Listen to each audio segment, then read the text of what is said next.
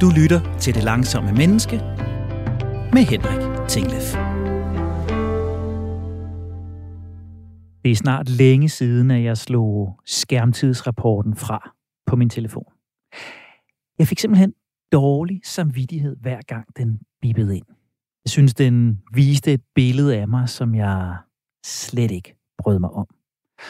Og så den hurtige og nemme løsning jo bare lukke øjnene og slå funktionen fra.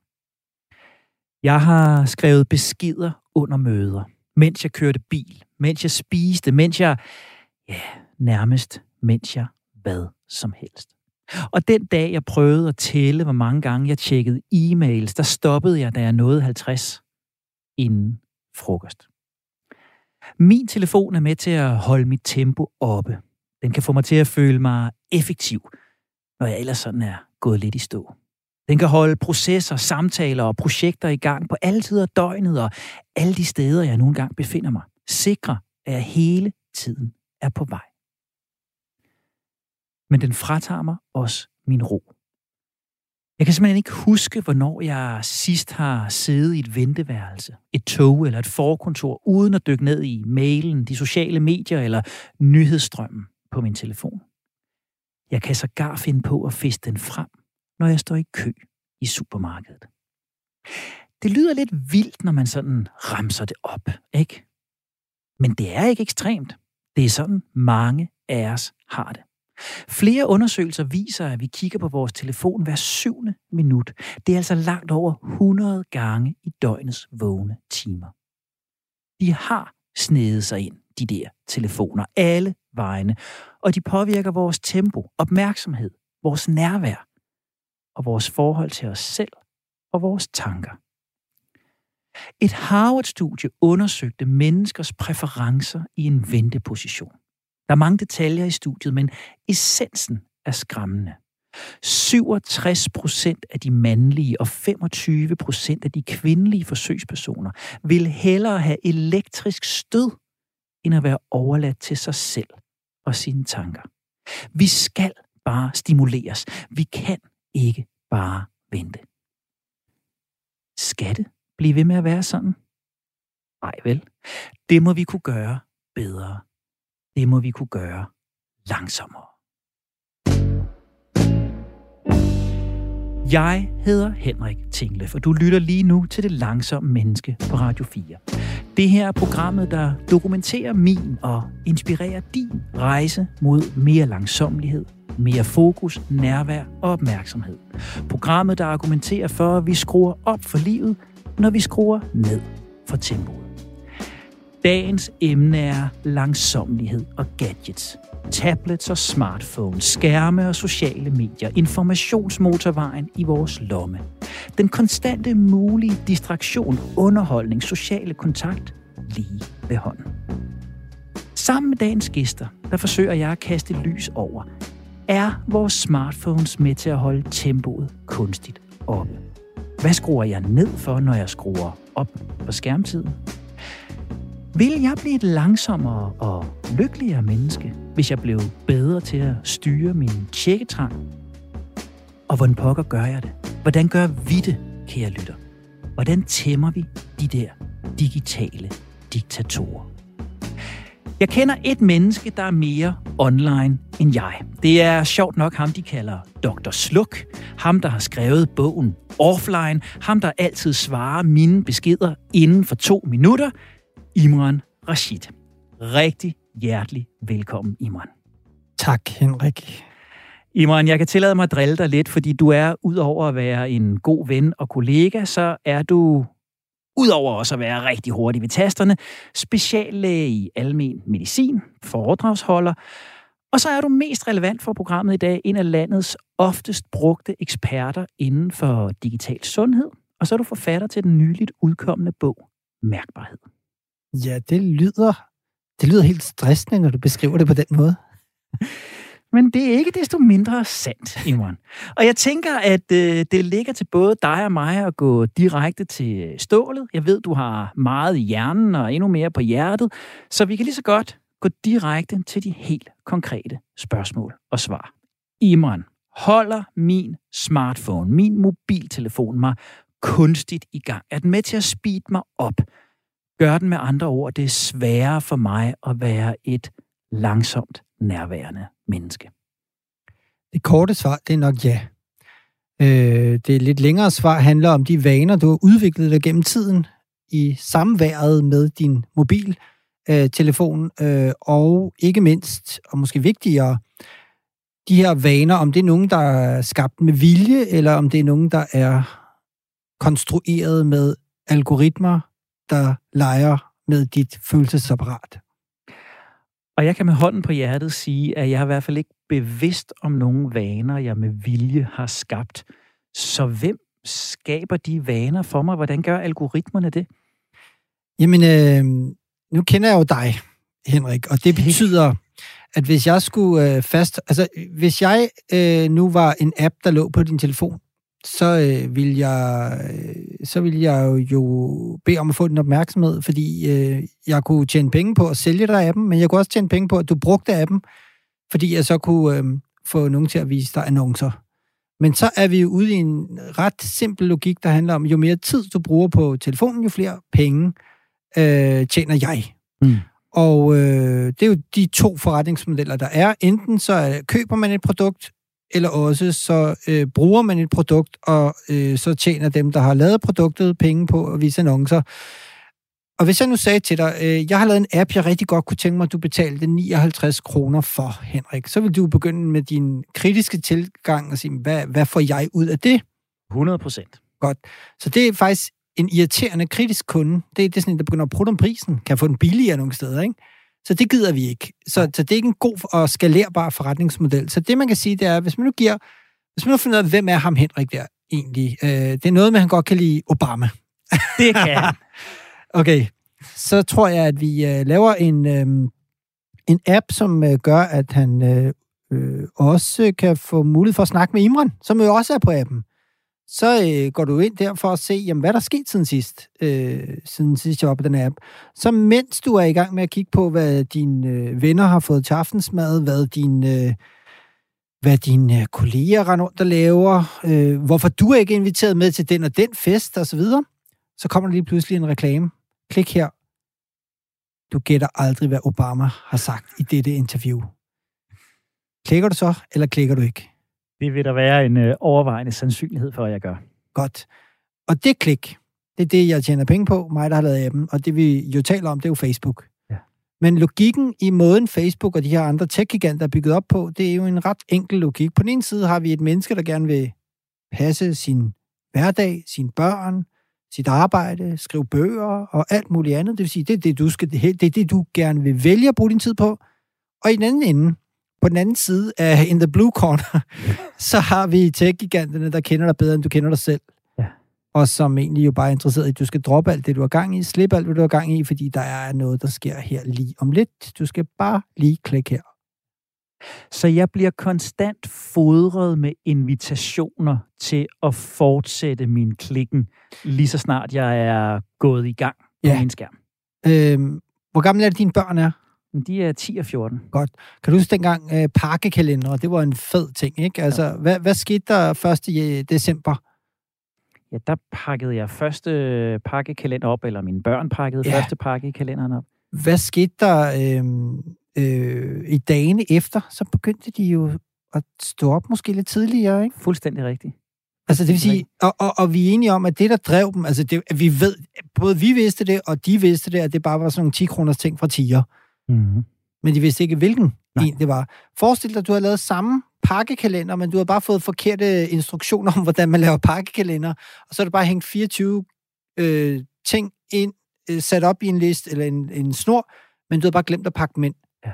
Hvad, hvilken effekt tror du, det havde fået? Så ja, det havde ikke særlig stor effekt. Nej, de havde faktisk ovenkøbet blevet skuffet. Fuldstændig skuffet, og det havde fuldstændig, været fuldstændig ligegyldigt. De var i hvert fald ikke begyndt at stå tidligere op. Nej.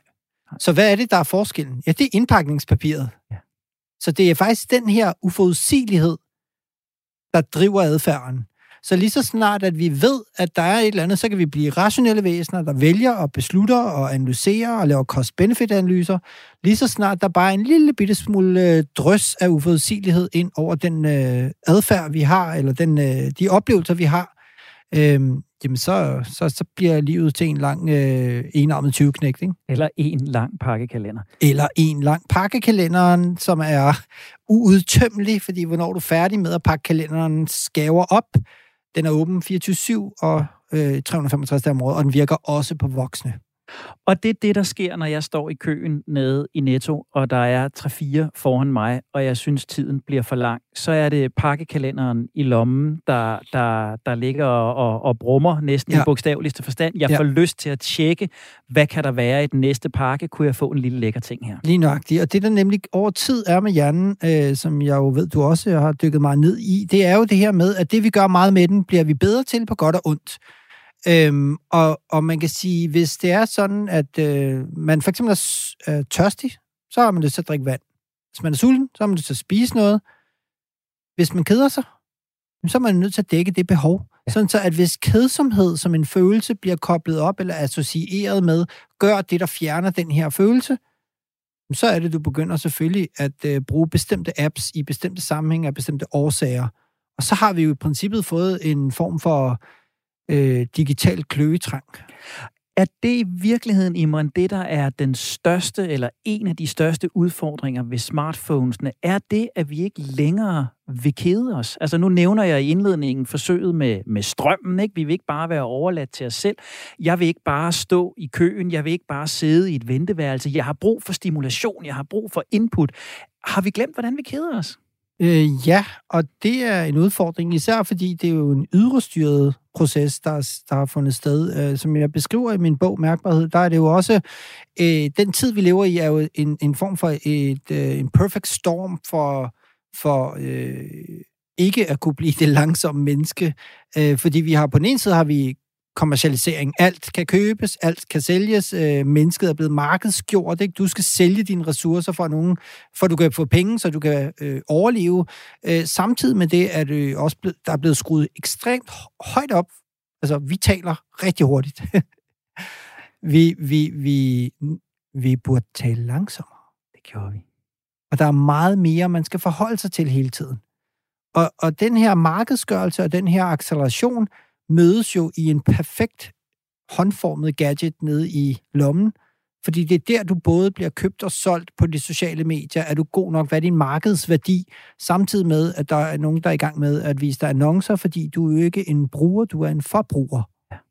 Og det er den problematik, der opstår, når det, der i virkeligheden indgår, den, der er på nettet, er jo ikke homo sapiens, det er homo Simpson. Ja. Det, den del af hjernen, som jo opfører sig som Homer Simpson, ikke? Altså, sådan en har vi jo alle sammen. En, der bare zombier sig igennem tilværelsen, og ikke behøver at tænke, fordi det er den nemmeste måde at være menneske på. Ja. Jeg kunne godt tænke mig at skære ind til skrækscenarier. Vi ved jo begge to, Imran, at det, som mennesket lægger mest mærke til, det, som vi oftest også motiveres mest af, det er det, der aktiverer vores trusselscenter. Det er det, vi bliver bange for. Så en ting er, at vi har glemt at kede os. Vi har glemt bare at være. Hvad har smartphonen, tabletten, alle de andre devices, hvad har de mere taget fra os? Hvor er det, de er problematiske for menneskelivet? Det er de jo, øh, de her tech, og det er jo ikke smartphone i sig selv, det er de her tech-giganter, som jo ved hjælp af algoritmer har fundet ud af, hvordan de kan optimere eller forøge den her time spent on device, som jo er synonym med deres aktiekurs grundlæggende. I det sekund, folk begynder at gøre noget andet end at være på Facebook eller Google, ja, så er det jo, at deres aktiekurs den bliver påvirket, ikke? fordi så, øh, hov, nu er der x antal mennesker, der begynder at leve deres eget liv, i stedet for at leve livet på serveret på en skærm. Så det, man kan sige, der er sket, øh, det er jo eksempelvis, at vi på en måde har fået digitaliseret noget, som ikke burde være digitaliseret, nemlig relationer mellem mennesker. Ja. Øhm, fordi hvis du tror, du er, eller når man er ensom, så er det jo oplagt, at man bruger sociale medier, for det må jo betyde, at du bliver social af at være på et socialt medie. Problemet er bare, at det svarer til, at man prøver at vande en plante med et billede af vand. Ja. Eller at når man er sulten, jamen her er der tyggegummi i alle de farver og smagsnuancer, du har brug for. Det mætter ikke. Og der er øh, nogle helt basale menneskelige behov, vi har for at være i nærheden af andre mennesker, fordi vi påvirker hinanden øh, på et øh, rationelt niveau, det vi siger til hinanden, men hele den der underliggende følelse af, at der er et andet menneske i den anden ende, og øh, vi kan stimulere hinanden øh, emotionelt. Der foregår jo en hæftig bromance øh, under linjerne her også, ikke? hvor vi spejler hinanden og, og, og kaster intellektuelle bolde frem og tilbage, og plejer hinandens ego. Ja. Ikke nok at vi selv skal lyde kloge. Vi sidder og klapper hinanden på skulderen også, ikke? Øhm, det er jo ikke noget, der kan ske på de sociale medier, for der øh, vander du ikke andre menneskers, øh, jeg taler om øh, mentale køkkenhaver. Ja, ja. Altså, så du kan ikke på den måde dække andre menneskers sociale behov på de sociale medier, fordi der skriver det sådan asynkron øh, kaste bold frem og tilbage, som er rationelt baseret. Du skal, du skal læse, hvad der står. Du kan ikke øh, bare mærke den der sådan, øh, friktionsløse kommunikation. Så en ting er, at jeg bliver dårligere til at være i selskab med mig selv. Mm. Jeg bliver også dårligere til at være i selskab med andre. Jeg synes, noget af det, jeg også oplever, og det er noget af det, jeg oplever, der gør, at jeg speeder op, det er, at jeg oplever helt fysisk, at mit koncentrationsspænd er blevet mindre. Altså, der går kortere og kortere tid, før jeg har lyst til at skifte aktivitet, før jeg har lyst til at beskæftige mig med noget andet, før jeg har lyst til at skifte browservindue. Øh, hvad gør smartphones, gadgets ved vores fokus, ved vores koncentration, til vores evne til at blive dybe? Det øh, er der jo skrevet masser af bøger om, og lavet masser af undersøgelser omkring, at man øh, får det her... Øh, at du slår smut på tilværelsen, i stedet for at gå dybt ned. For når du skal gå dybt ned, så kræver det jo også, at du siger nej til alt det, der kunne være øh, lige rundt om hjørnet. Undersøgelser, øh, som er lavet, viser, at man skifter opgaver i snit hver tredje minut på arbejdspladsen. Øh, skal der ske noget nyt, nyt, nyt, ikke? Øhm, og, og man bliver forstyrret i gennemsnit også øh, hver tredje øh, sekund nærmest, øh, altså hvor du hele tiden skal, øh, altså din, din opmærksomhed når ikke at forplante sig og, og, og gå dybt ned, øh, hvilket jo betyder, at du ikke når at bruge nok, nok tid på at reflektere over tilværelsen, eller over de ting, du, burde, du burde bruge tid på. Ja. Og det er jo fordi, at det du i stedet har fået trænet igennem de sidste mange år på din smartphone, det er din evne til at reagere. Ja følelsesmæssigt. Ja. Der er jo de her to systemer, vi har i hjernen. System 1 og system 2, som en, en fyr, der hedder Kahneman, han skrev en bog om, og blandt andet fik øh, Nobelprisen for sit arbejde for at beskrive nemlig øh, den del af vores hjerne, som er langsomlig og reflekteret og velovervejet og bevidst og rationel og virkelig fordyber sig i tingene, ikke? Og så er der den anden del af hjernen, der bare kører der ud af, handler om at reagere så hurtigt som muligt, følelsesstyret, det skal ikke være for kompliceret, vi gør, hvad vi plejer, det virker. Og det er de to systemer, vi hele tiden øh, har, som øh, på en måde øh, konflikter med hinanden. Ja. Og den del, øh, der i høj grad er på nettet, hvis ikke vi passer på at kontrollere det selv, det er altså det følelsesstyrede system. Yes. Fordi at det vigtigste for mennesker er social interaktion med andre mennesker, det der gør, at vi overlever. Og hvis vi så lige pludselig får en stor del af vores sociale anerkendelse bundet op på bestemte apps, så bliver vi øh, fjernstyret med det, man lidt kan kalde hjernebetjeninger, som de her smartphones jo lige pludselig bliver til. Ja. Så hvis jeg skal ned i tempo, og du har fuldstændig ret, jeg taler hurtigt, jeg bevæger mig hurtigt, og når vi to er sammen, så er det lige før, vi spejler hinanden, og så taler vi endnu hurtigere. Du og jeg ja. har delt foredragsscener, ja. der har vi næsten kæmpet om, hvem der har kunne sige flest ord på, på kortest tid. Men hvis jeg skal ned i tempo, så skal jeg til en vis grad frigøre mig fra ikke bare min smartphone, men måske mest af alt de algoritmer, som min smartphone bruger, eller tech-giganterne bruger til at lære mig at kende, og dermed styre mine vaner, lave vaner for mig. Hvis vi skal gøre det helt lavpraktisk, Imon, hvor skal jeg og de lyttere, der har det som jeg, starte? Hvad er de to, tre første råd nede i værktøjskassen, hvis jeg skal tøjre min smartphone og min tjekketrang?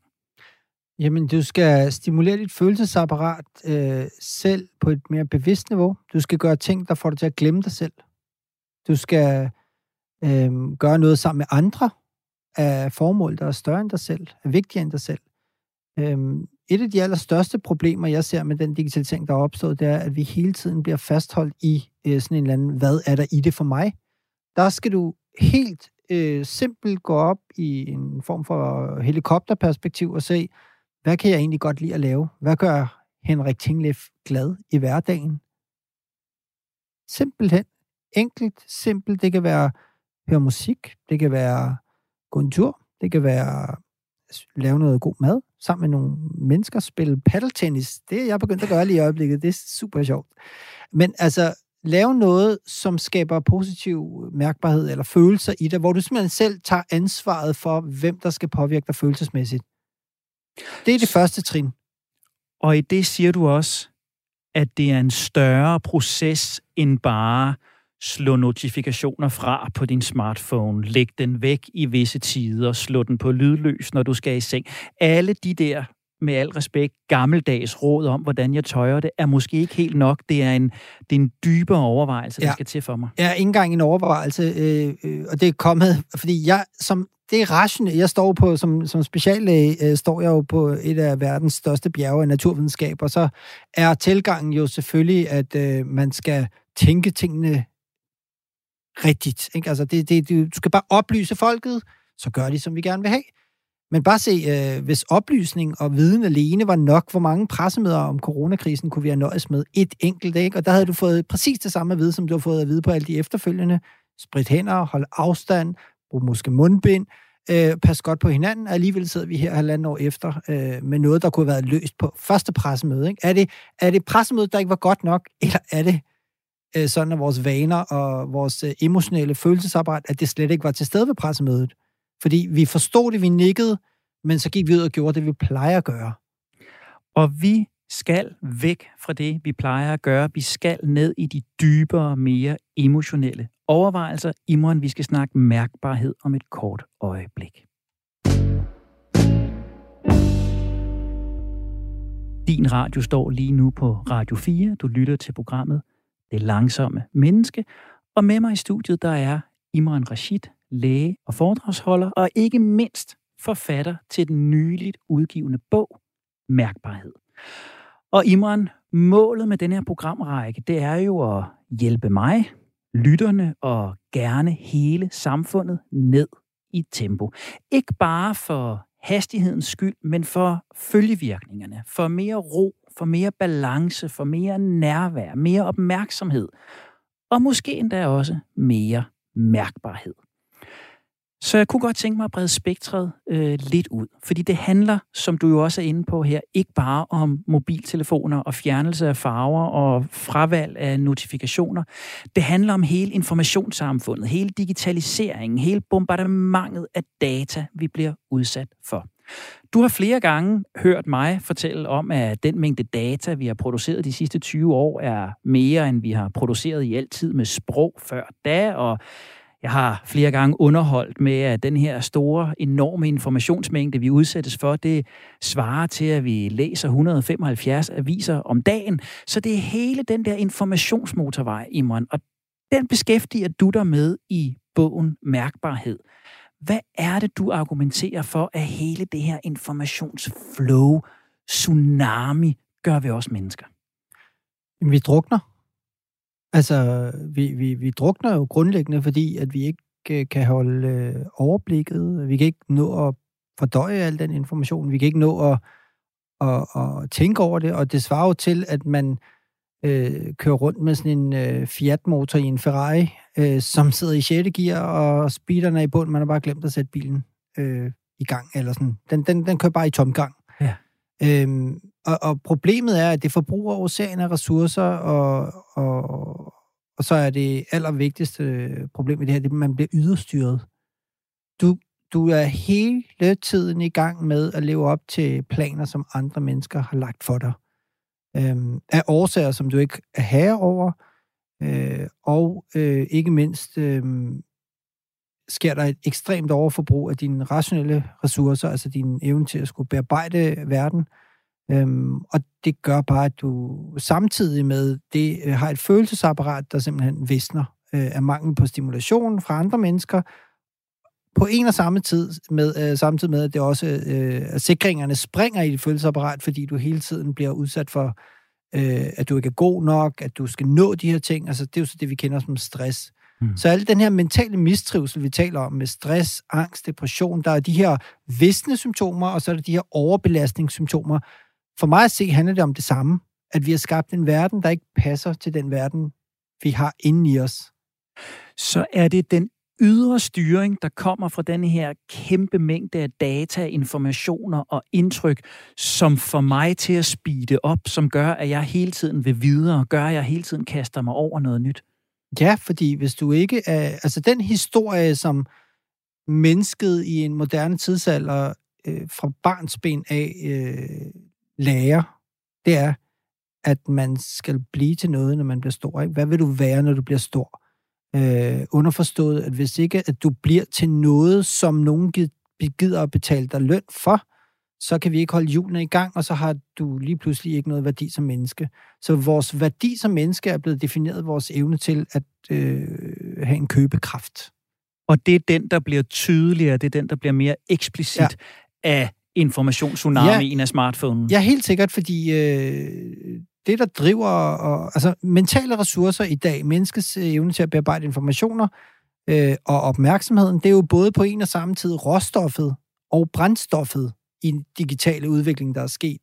For hver eneste øh, person, der mister fodfæstet i forhold til at sidde og koncentrere sig om sit arbejde, det svarer jo til, at der bliver klinget lystigt i kasseapparaterne på den anden side af den amerikanske vestkyst. Ikke? At der, altså, det er jo den måde, det virker på. Hvis du ikke kan koncentrere dig om dit arbejde, så er det fordi, du koncentrerer dig om øh, Facebook eller alt muligt andet. Og det vil sige, at det er hele tiden togtrækningen øh, imellem, hvem du er, og hvem andre gerne vil have, du skal blive. Er du, er du borger? Er det din chef, der hiver i dig? Altså, det simple spørgsmål her er jo, hvem bestemmer egentlig i dit liv? Yes. Og smartphonen bliver en vej til, at andre i højere og højere grad bestemmer i mit liv. Det er der, jeg bliver bange for at gå glip af noget. Jeg bliver bange for at leve op til noget. Jeg bliver bange for at se noget, og, eller undlade at se noget. Og så er det, at jeg gør ting, som jeg ikke selv har truffet beslutninger om, men mm. simpelthen bare bliver trukket i Præcis. retningen af. Og, og, og, det, og det, der nemlig er udfordringen her, det er jo, at hvis du lukker øjnene et sekund og tænker på det, der er allervigtigst i dit liv, så er det sgu ikke din smartphone eller Mark Zuckerbergs ansigt, der dukker op der. Det ville være mm. skræmmende, hvis det var. Og hvis det, ja, hvis det var det, hvis det virkelig var sådan, at du tænkte, ved du hvad, Mark, jeg vil gerne dedikere mit liv til de, i, din, øh, i dit firmas tjeneste. Du har gjort det rigtig godt for verden. Jeg vil gerne være en af dine fodsoldater. Mark for the win, ikke? Altså, fair nok. Go ahead. Værsgo. Facebook, det er, det, det, det er din ting. Men hvis du tænker på noget andet, når du lukker øjnene og virkelig sådan mærker efter egentlig, hvad er det, der gør mig glad? Hvad er det, jeg gerne vil bruge min tid på? Hvem er vigtigst for mig? Hvad er vigtigst for mig? Og det ikke er din smartphone, eller din chef, eller kollegerne, så er du måske nok nødt til at indrette din hverdag med åbne øjne på en lidt anden måde. Ja. Fordi med åbne øjne bruger du mere tid på at røre ved, at klikke på, snakke til, tænke på din smartphone, og det er den udfordring, vi, vi har, og det er derfor, at det her begreb mærkbarhed for mig at se, øh, er en af nøglerne til at øh, få lidt mere kontrol og værdibaseret indre styring ind i sin hverdag. Så mærkbarheden er vejen til indre styring. Indre styring er en af vejene til langsomlighed, så ikke jeg længere bliver trukket i otte forskellige retninger uden at vide det. Prøv at hjælpe mig og lytterne, Imran, med helt overordnet at forstå begrebet mærkbarhed. Mærkbarhed er et godt ord, men, men prøv at beskrive for os, hvad er mærkbarhed, og hvordan er det hjælpsomt for mig på min rejse med at blive det langsomme menneske? Mærkbarhed dækker over øh, det aftryk, som verden rundt om dig sætter på verden inden i dig. Verden inden i dig det er jo både øh, den rationelle del af dig, der skal forstå, hvad der foregår rundt om dig, men samtidig er det jo også den emotionelle, følelsesmæssige del af dig, der reagerer på de øh, omstændigheder, de omgivelser, du har. Verden kan jo være et truende sted, så bliver du føler du, øh, så bliver du, øh, kan man sige, så bliver dine trusselscentre øh, øh aktiveret, men verden kan også være et dejligt øh, og rart sted at være, og så bliver det en positiv følelse, du øh, får skabt derinde. Det, du kan bruge din rationelle del af hjernen til, det er jo netop at forme den her mærkbarhed. Altså, du kan gøre noget omkring dig i nuet, her og nu, som påvirker dig øh, positivt. Vi kender, vi, I Danmark er vi jo verdensberømte for hygge. Mm. Men altså, det er de færreste, der når de skal invitere gæster over til en hyggelig aften, siger, det forventes, at de hygger jer mellem 18.30 og 19.30, og derefter så går vi videre til øh, samtale. Altså, det er jo ikke en italesat ting. Det er ikke noget, du kan skabe. Det er noget, som du kan skabe forudsætningerne for. Og det er for mig at se nok et paradigmeskifte øh, væk fra, at vi rationelt skal til at fikse ting. Øh, at vi mærkbarhed, det er et spørgsmål om forudsætninger. Hvad skal der til, for at du trives? Fint, det er jo ikke, at øh, du skal trives, øh, Henrik. Det er dit ansvar. Hvis ikke du trives, så er det, så er det lidt din egen skyld, ikke?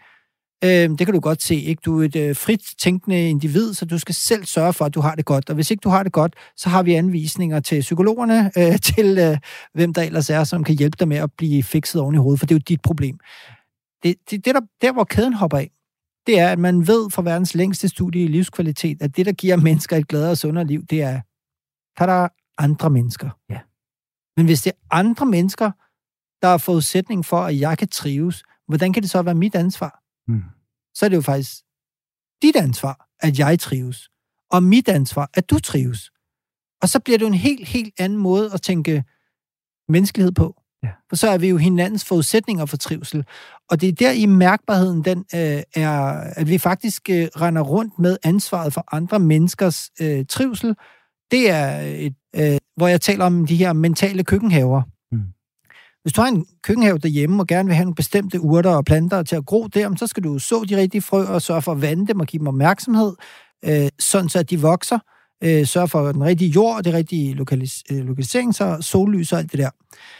Hvis du i din mentale køkkenhave gerne vil have, at de rigtige følelser skal gro, så er du nødt til alt andet lige at sørge for, at du gør ting, som får de her følelser til at gro. Ja. Hvis du gerne vil være, have arbejdsglæde, så er du nødt til at se, hvad, giver, hvad gør mig glad? Når det er noget med overskuelighed, og jeg ved, hvad jeg skal lave, og jeg har tid til at lave det, det er noget med kollegerne, det er noget med, at chefen ser og hører mig, så er det jo lige pludselig de egenskaber eller forudsætninger, der skal til. Men der, hvor det virkelig bliver interessant, det er, at man jo faktisk har ansvaret for den relationsplante, man har sået hos andre mennesker. Hvis, nu siger jeg ikke hvis, men vi to har et venskab. Men det venskab er jo kun noget værd, hvis du kan mærke, at jeg reelt set investerer min tid, fokus og opmærksomhed i dig. Hvis du kan mærke, at jeg anser dig som en ven. Ja. Ikke? Altså, det er der, at, det, at, vi, at vi bærer lidt af hinanden. Og jeg tænker også, der ligger i det der, ligger der jo en høj grad af krav til ansvar for også at mærke efter, hvad er det, jeg har behov for, for at trives, og mærke efter, hvad er det, du har behov for, Mm. for at trives. Og jo flere minutter, eller timer, eller dage, vi bruger med hovedet ned i en skærm, jo sværere bliver det at mærke. Og det er en, en ret god pointe, fordi man kan jo lave det tankeeksperiment, øh, at hvis Facebook og Google og alle de her tech-giganter, hvis de vinder og lykkes med deres forhave, når de kan sætte check ved deres mission accomplished, alle mennesker på hele planeten sidder ned og, nu og kigger på Mark Zuckerbergs øh, glade ansigt på telefonen. Hvor mange børn vil lide mental omsorgsvigt? Ja. Ja. Hvor mange øh, relationer vil blive... Øh, hvor mange mennesker vil visne? Fordi vi finder ikke svaret. Der er ikke, et- der er ikke et pong. Der er kun et ping. Vi sidder kun og pinger. Når vi sidder og kigger på vores digitale medier, så se- udsender vi signaler. øh, Det er nærmest en SOS, ikke? Ja, ja, vi biber ud. Er der, nogen, er der nogen derude, der ser mig, ikke? Men hvad hvis vi ikke kan mærke responset, fordi vi bare sidder med en glasskærm i hånden? Det er en skræmmende, skræmmende tanke. Og hvis vi skal skære det her ind til lavpraktik, øh, Imran, hvordan skaber jeg mere mærkbarhed i mit liv? Vi kan bruge situationen her som eksempel. Hvordan sikrer vi to mærkbarhed i den samtale, vi to har lige nu? Jamen det gør vi ved at øh, dels øh, spejle hinanden, øh, være der, altså virkelig øh, prøve at, at lytte til, hvad der bliver sagt, i stedet for at være optaget af, hvad vi selv vil sige. Ja. Så den ene ting her, det er i virkeligheden også at lave noget sammen, som vi hver, begge to synes er, er, er sjovt at lave. Altså der er også det her med det fælles tredje, fordi nu skal jeg jo forholde mig til dig, og, uh, og hvad tænker vi, og, og nu skal du også have et godt program og alt det her. Øh, bare jeg ikke får sagt noget fjollet og så videre. Men hvis vi var ude og gå en tur, eller lavede et eller andet sammen, som var det, man kan kalde det fælles tredje, så bare det, at vi er sammen, det er nok. Ja. Man ved fra studier, som jeg også har med i, i min bog, at øhm, det er et dansk studie, der blev lavet i november måned sidste år, hvor en forsker, hun satte en elektrode på mennesker i det fysiske rum, og det hun opdagede, det er, at efter fire minutter, så begynder man at synkronisere kropsligt. Øjnene bliver samme størrelse pupiller. Vi sveder nogenlunde lige meget. Vores hjerterytme de kommer i synk, og vi begynder kropssprogsmæssigt også via spejlneuronerne og minde om hinanden. Men det, det, det, det, det vigtige her er, at vi kommer i synk. Ja.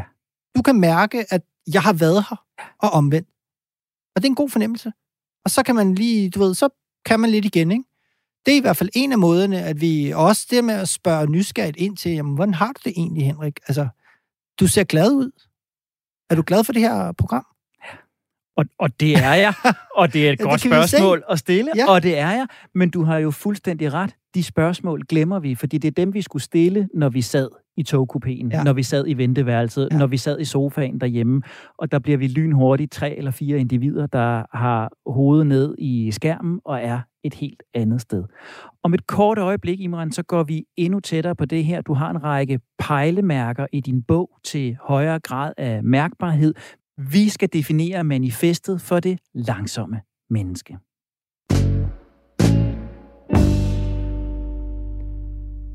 I dine ører lige nu er det Langsomme Menneske på Radio 4. Programmet, der støtter dig og mig med at sænke tempoet for at hæve kvaliteten af samvær, nærvær, energi, effektivitet, innovation og initiativ. Jeg hedder Henrik Tingle, for med mig i studiet der har jeg læge, forfatter og foredragsholder Imran Rashid. Vi taler smartphones, men vi taler i virkeligheden endnu mere digital kultur, og hvordan mærkbarhed hjælper mennesker som mig i processen med at blive et langsommere menneske. Og Imran, inden jeg siger farvel til dig, og vi to ikke kan mærke hinanden længere, så skal jeg have dit indspark til manifestet for det langsomme menneske. Og du har jo allerede i din bog en række pejlemærker på højere grad af mærkbarhed. Så hvad er det, jeg som det langsomme menneske skal pejle efter for at navigere bedre i informationssamfundet?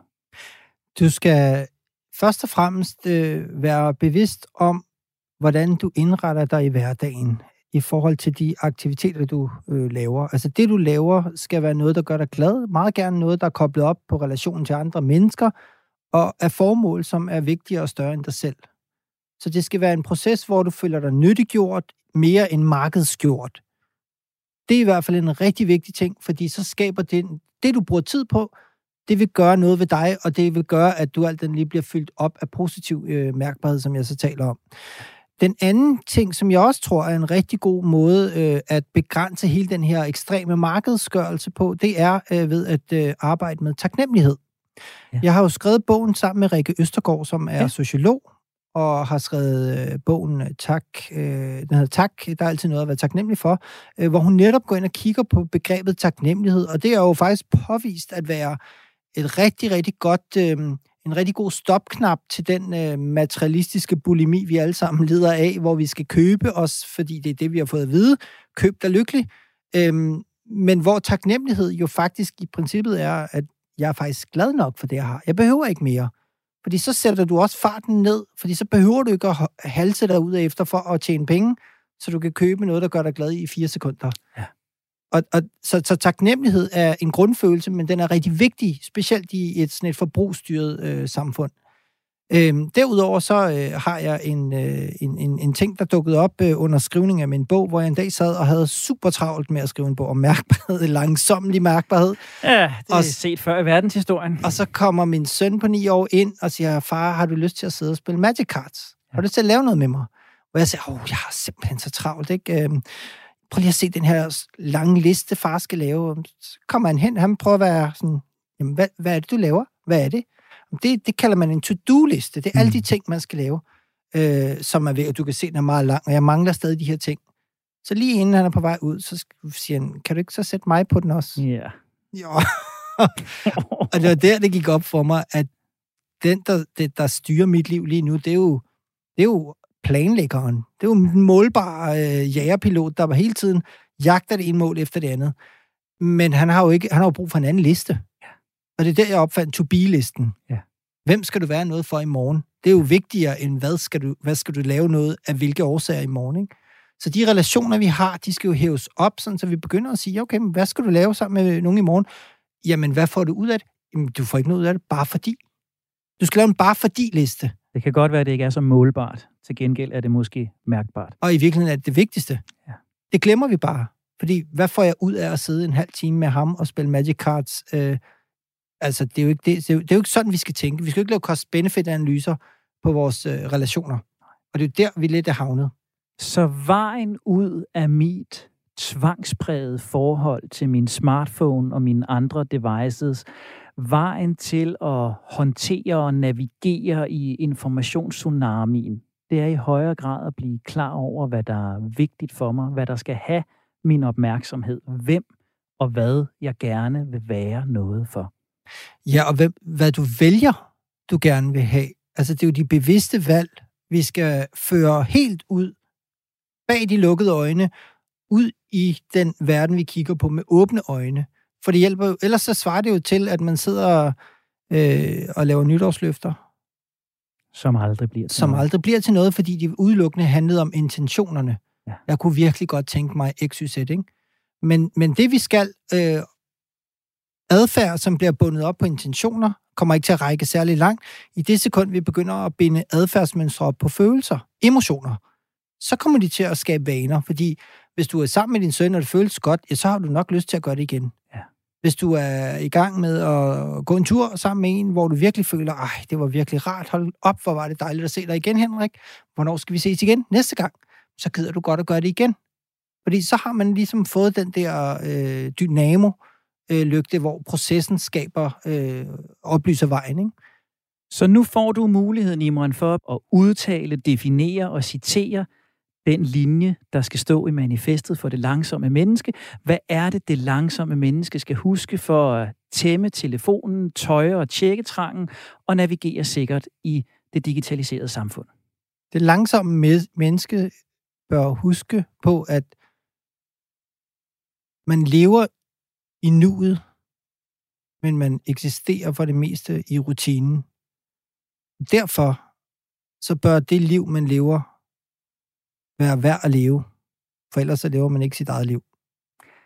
Det bliver ordene imellem os. Imran Rashid, læge, forfatter, foredragsholder og ikke mindst forfatter til den nyligt udgivende bog Mærkbarhed.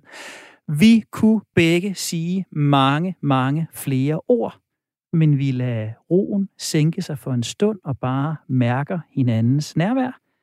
Tak, fordi du vil kigge forbi, Imran. Vi skrives på Messenger lige om lidt. Vi startede med smartphones, og vi slutter med smartphones.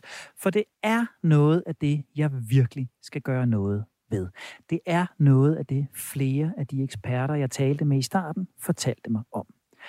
Jeg kender en, der har taget turen før mig. En, der endda har taget den helt ekstreme tur. Han er med på en linje lige nu. Lasse Løber, velkommen til programmet. Mange tak. Lasse, du er kan med i anvendt filosofi. Du er adjunkt ved UCL Erhvervsakademi og Professionshøjskole, og så er du også foredragsholder. Og ikke fordi det, der, det er uinteressant, men det, der jo gør dig interessant her, det er, at du for cirka fem år siden traf en ret drastisk beslutning. Du droppede simpelthen din smartphone og alle sociale medier. Og mens jeg lige prøver at stå her og finde balancen, så fortæl mig, Lasse, hvordan kom du dog på den fuldstændig vanvittigt vilde idé? jeg elsker den der introduktion på en eller anden måde med, at det er en vanvittig idé, ikke også? Fordi det, det virker det jo bare som, altså det fremstår det jo bare som på mange måder. Øhm, for mig dengang øh, i slut 20'erne, der, der var det egentlig ikke en, en radikal, en, en vild idé i den forstand. Altså jeg var, jeg var single, boede alene, jeg var også selvstændig erhvervsdrivende, og, og jeg har aldrig været bange for at kaste mig ud i nogle eksperimenter og nogle udfordringer. Dengang der lå landet sådan, at jeg bare var blevet træt af min iPhone. Altså, jeg var blevet træt af, hvor meget den fyldte. Den der klassiker med, at det var det sidste, jeg kiggede på, inden jeg gik i seng, og det første, jeg kiggede på, når jeg stod op, og ja, bimlede bamlede i løbet af dagen, og fjernede mit fokus. Så man kan sige, udgangspunktet var på en måde at, at optimere min hverdag. Altså, jeg vil gerne, dels så vil jeg gerne være mere til stede. Det var faktisk noget, jeg kunne mærke også, når jeg, jeg så fodbold sammen med en ven, eller gik en tur, eller et eller andet, at jeg hele tiden havde den der trang til at kigge øh, på telefonen. så det var, det var sådan på den ene side, at, at jeg på en måde kunne blive lidt gladere, en gladere person, mere nærværende person. Øh, og så på den anden side, så ville jeg også gerne være mere effektiv øh, i mit arbejdsliv, som sagt. Um, og så kan man sige, jeg har tænkt lidt over, at det egentlig har været lidt paradoxalt, fordi er konceptet ikke med en smart telefon, at den skal gøre livet nemmere? jo, et eller andet sted skulle man jo i hvert fald ikke tro, at smarte telefoner skulle gøre os dummere. Så, så der, er jo, Præcis. der er jo netop noget i det. Og jeg kan jo, jeg kan jo ikke genkende til alt det, du beskriver der, Lasse. Jeg, jeg kan fuldstændig... Jeg kan også sidde og se fodbold, og så følge med i tre andre fodboldkampe på samme tid. Jeg kan skulle være nærværende over for sågar mine børn eller mennesker omkring mig, og så lige lade opmærksomheden øh, drifte hen. Så jeg kender lysten, jeg kender intentionerne om, hvad, hvad det vil kunne give mig. Så nu er du mit sandhedsvidne, Lasse. Hvad skete der? Hvordan var det? Hvordan oplevede du det? Fik du alt det ud af det, som du gerne ville have? Altså, det blev lidt af en rejse, Henrik, vil jeg sige. Øh, det endte jo med at blive, blive to og et halvt år øh, uden smartphone. Øh, og jamen altså, jeg vil da lyve, hvis jeg sagde, at, øh, at det ikke var ensomt undervejs også. Altså, det, det var sgu da mærkeligt at gå for den der tilværelse, som du også lidt beskriver, ikke med at øh, folk, der tjekker ind med en, og øh, alle mulige interessante ting, man, man føler, man går glip af. Øh, det kunne også bare være radio, man lige har kørende på telefonen fra morgen. Altså, der er sådan mange ting i dagligdagen, der går op for en, hvor meget støj, eller hvad skal man sige, øh, også underholdning jo, der ligesom kommer ind fra smartphone. Øh, så man kan sige, ja, på, på mange måder, så var det jo, så var det jo en kæmpe omvæltning. Øh, men ret hurtigt, så blev jeg sindssygt glad for det, faktisk. Altså, øh, jeg synes, at jeg fik mere ro på. Jeg synes, jeg blev følte mig mindre stresset. Jeg følte mig faktisk mere, mere nærværende, og, og lidt også som en bedre ven, øh, en bedre bror, for den sags skyld. Øhm, det, det, det gav mig helt sikkert noget, og så meget, at jeg jo faktisk øh, blev øh, inspireret og fik lyst til at dele ud af mine erfaringer på et ret tidligt tidspunkt, også øh, på efterskole og højskole og den slags.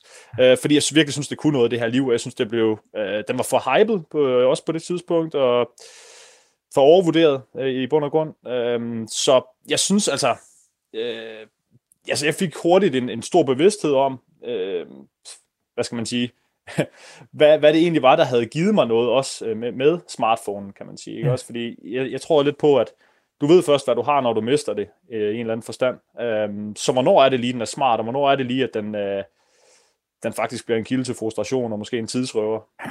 Altså, jeg står jo, og det bimler og bamler i hovedet på mig, for du siger, at du blev mindre stresset. Du siger, at du blev en bedre bror. Altså, du, du, du siger jo langt hen ad vejen, det som jeg ønsker med hele det her projekt. Prøv, prøv at uddybe, hvordan var det, du mærkede, du blev mindre stresset? Altså, i hvilke konkrete eksempler, i hvilke situationer oplevede du mindre stress, mere nærvær? Jamen altså, det var, tror jeg, helt sådan noget lavpraktiske ting. Altså, hvis jeg stod og handlede, stod i køen i Netto, og, øh, og fik lyst til at tage min telefon op, øh, så var den der ikke, og så kan man ikke gøre det. Altså, jeg tror, øh, hvis jeg skulle løbe en tur, så havde jeg måske også en tendens til meget gerne at ville øh, have musik i ørene. Øh, Øhm, sådan nogle ting, hvor at, i bund og grund, så tror jeg faktisk, det stressede mig mere, end det gjorde gavn. Altså, det var bare øh, for at udfylde det her tomrum, af, hvor man ellers bare tænker, eller bare er. Øhm, jeg tror, at det, det er måske også sådan for mig selv, for jeg ved egentlig ikke, hvor meget forskel min, min nærmeste sådan oplevede. Men, men jeg oplevede mig selv i hvert fald som en, der altså, var bedre til at lytte lige pludselig, fordi jeg ikke havde... Altså, et eller andet sted, så er en del af ens hoved jo i telefonen, hvis den er i nærheden. Altså, jeg tror faktisk, det er øh, mere eller mindre bevist, at hvis den ligger frem, også i et mødelokale, at så er der bare en del af din bevidsthed, der ligger der og funderer over, hvad sker der på den telefon. Så jeg det, det var jeg jo bare fri for, altså, men, men det, var, det var mærkeligt, ikke? fordi jeg stadigvæk godt kunne sådan, tage mig ned på, i højre bukselom, hvor den altid plejede at ligge, og kunne mærke de der fantomvibrationer, øh, hvor det føltes som om den bimler og bamler og, og, og vibrerer, selvom jeg ikke havde en mere. Så det var jo også lidt tankevækkende. Og hvad gjorde du, Lasse? Fordi altså, jeg, jeg har jo over for Imran beskrevet, at jeg kan stå der i køen i Netto og fiske min telefon frem. Når den ikke er der, hvad gjorde du i stedet for? Hvis jeg tænker tilbage over det seneste døgn, det er godt nok mange minutter, jeg skulle fylde med noget andet, som jeg ellers har brugt på min smartphone. Hvad brugte du den tid til? hvad brugte jeg den tid til? Altså, jeg tror, jeg, øh, altså, jeg stod bare og var. Altså, øh, lidt ligesom, ja, det bare kan vække opsigt, hvis du er inde på en restaurant eller en café, og, øh, og du ser en person øh, sidde med en bog, eller bare sidde og kigge, ikke? Så, så, så tænker du, det er lige pludselig interessant. Altså, men, men hvad gør man? Hvad gjorde man inden øh, den smarte telefon kom? Jamen, jeg, altså, jeg tror virkelig bare, at jeg, jeg var lidt mere til stede, tænkte lidt mere, øh, stod og kedede mig. Altså, øh, man kan sige, det var, det var, det var vel bare det. Øhm, og så, så var der jo nogle ting, Henrik, som jeg ved ikke, om jeg lige må, må sætte et par ord på, men der var nogle ting jo i dagligdagen, som blev mere besværlige. Uh, jeg plejer at fremhæve sådan tre, tre forskellige ting, når jeg holder foredrag, og, og den første, det var, jeg, som sagt, jo var, var single på det her tidspunkt, og så skulle jeg jo gerne ud og date lidt. Uh, og hvordan gør man så det uden Tinder? ikke? Og, og der kan man sige, jeg boede i Aarhus, jeg kunne jo bare gå i byen, uh, det var jo inden corona og alle de ting, men Øhm, øh, jeg ved ikke, jeg har faktisk en anekdote, men jeg ved ikke, jeg kan lige sætte nogle flere ord på, fordi altså, som sagt, at skulle date uden Tinder, men også at skulle finde vej uden Google Maps, ja, øh, og, at, og at skulle betale uden mobile pay. Altså, der var de her lavpraktiske ting. Skulle køre i, i tog eller i bus uden, uden en app, så sågar skulle betale. Jeg kan huske på et tidspunkt, ikke fordi jeg kørte så meget med bus, men jeg skulle betale i, i bussen, og, og det, det var jo via en app, øhm, så folk stod og blev irriteret over, at jeg skulle fiske kontanter frem, det, jeg kunne bare mærke det der onde blikke i nakken, fordi jeg stod og var ham der idioten, der ikke havde ja. sin smarte telefon, og samtidig så kunne jeg tænke, hvad med alle de ældre, ja. som bliver koblet af der? Nå, men ja. det var bare lige for at nævne nogle eksempler der fra dagligdagen. Og nu kan jeg jo afsløre, Lasse, på Landsdækkende Radio, at det her interview, det foregår over en app. Så det foregår via en smartphone. Du er altså med andre ord tilbage på en smartphone. Og ja. ganske kort, Lasse, var det de her gener, eller hvad var det, der gjorde, at du vendte tilbage til en smartphone? Altså, det var helt klart en del af det. De der hverdags ting, som bare blev gjort mere besværlige, og lidt uden grund, kan man sige, fordi det er jo bare et spørgsmål om måske lige at, at, at, at holde styr på, at det ikke løber løbsk med, at man meget man bruger telefonen. Det var den ene side. Øh, man kan sige, at jeg lavede lidt en ultimativ udfordring for mig selv. Jeg gik Caminoen. Jeg gik 1300 km på 6 uger uden wow. telefon.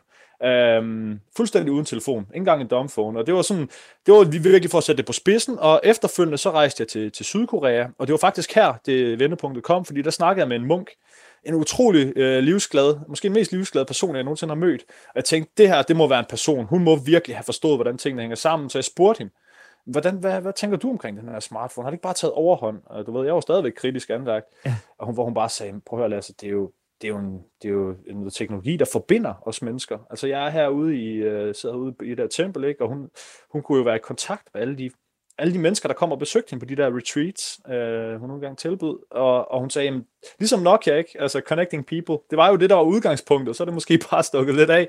Så det var nok vendepunktet for mig, hvor jeg tænkte, jamen, er der egentlig nogen dybere liggende grund til det andet, end jeg nu bare øh, bliver lidt stejl på det her, og øh, hvad skal man sige, kontrær næsten, øh, går kontra på, på tendensen, øh, og beviser over for mig selv, at jeg godt kunne. Nu, nu var det måske nået til et punkt, hvor det ikke rigtig gav så meget mening mere. Nu havde jeg prøvet det, som sagt, to og et halvt år. Så nu er du tilbage, Lasse, og, og jeg tror ikke, jeg kommer til at gøre det så ekstremt som dig, men jeg skal tøjre min smartphone. Så hvad er det, du gør i dag? Hvad er dit bedste råd til mig og de lyttere, der på samme måde som jeg kæmper med deres smartphones? Hvordan har vi et fornuftigt forhold til smartphone i vores hverdag? Jeg tror, du ved ikke, hvor godt du kender til dine mobilvaner, øh, Henrik, men øh, ellers så vil jeg sige, at øh, det, første, øh, det første step vil være at danne dig et overblik over, hvor meget bruger du egentlig din telefon. Og det er jo mega nemt, både på iPhone og Android er der jo nu øh, funktioner til det. Øhm, jeg tror, det hedder digital balance på Android og screen time på iPhone. Så få et overblik over, øh, hvor meget du egentlig bruger telefonen. Men, men egentlig så tror jeg, jeg vil gå lidt mere radikalt til værks og, og lave en mini Lasse Løber, kunne man sige. Øh, Henrik, jeg, jeg vil råde dig til at prøve, og så kan du selv bestemme, hvor, øh, hvor ekstremt det skal være. Om det skal være en dag, en uge eller en måned. Jeg vil jo hælde til det sidste. Men hvor du simpelthen prøver at leve uden din smartphone. Find ud af, hvad er det, hvornår er det, den skaber noget værdi i dit liv? Hvornår er det, den gør livet nemmere? Og hvornår er det faktisk, at du bliver frustreret over, at du kigger ned i den, i stedet for at være sammen med din familie? Lasse løber challenge accepted. Jeg lover dig, jeg vender tilbage til dig i et senere program efter en indtil nu ubestemt periode uden min smartphone. Lasse Løber kan med i anvendt filosofi, adjunkt ved UCL Erhvervsakademi og Professionshøjskole, foredragsholder om sit eksperiment med mobiltelefonen. Lasse, tusind tak for din tid. Det var en fornøjelse. Det blev ordene herfra i dag. Husk, at du altid kan hente det langsomme menneske på podcast til din smartphone, og det gør du lige der, hvor du henter dine podcasts eller på Radio 4-appen. Har du input, kommentarer eller interessante vinkler på langsomlighed, vi skal kigge nærmere på, så kan du skrive direkte til redaktionen på langsom radio4.dk. Programmet her er produceret af Only Human Media. Tak fordi du har investeret både din tid og din opmærksomhed i os. Jeg hedder Henrik Tinglef, og jeg er nu et par tastetryk tættere på at være det langsomme menneske.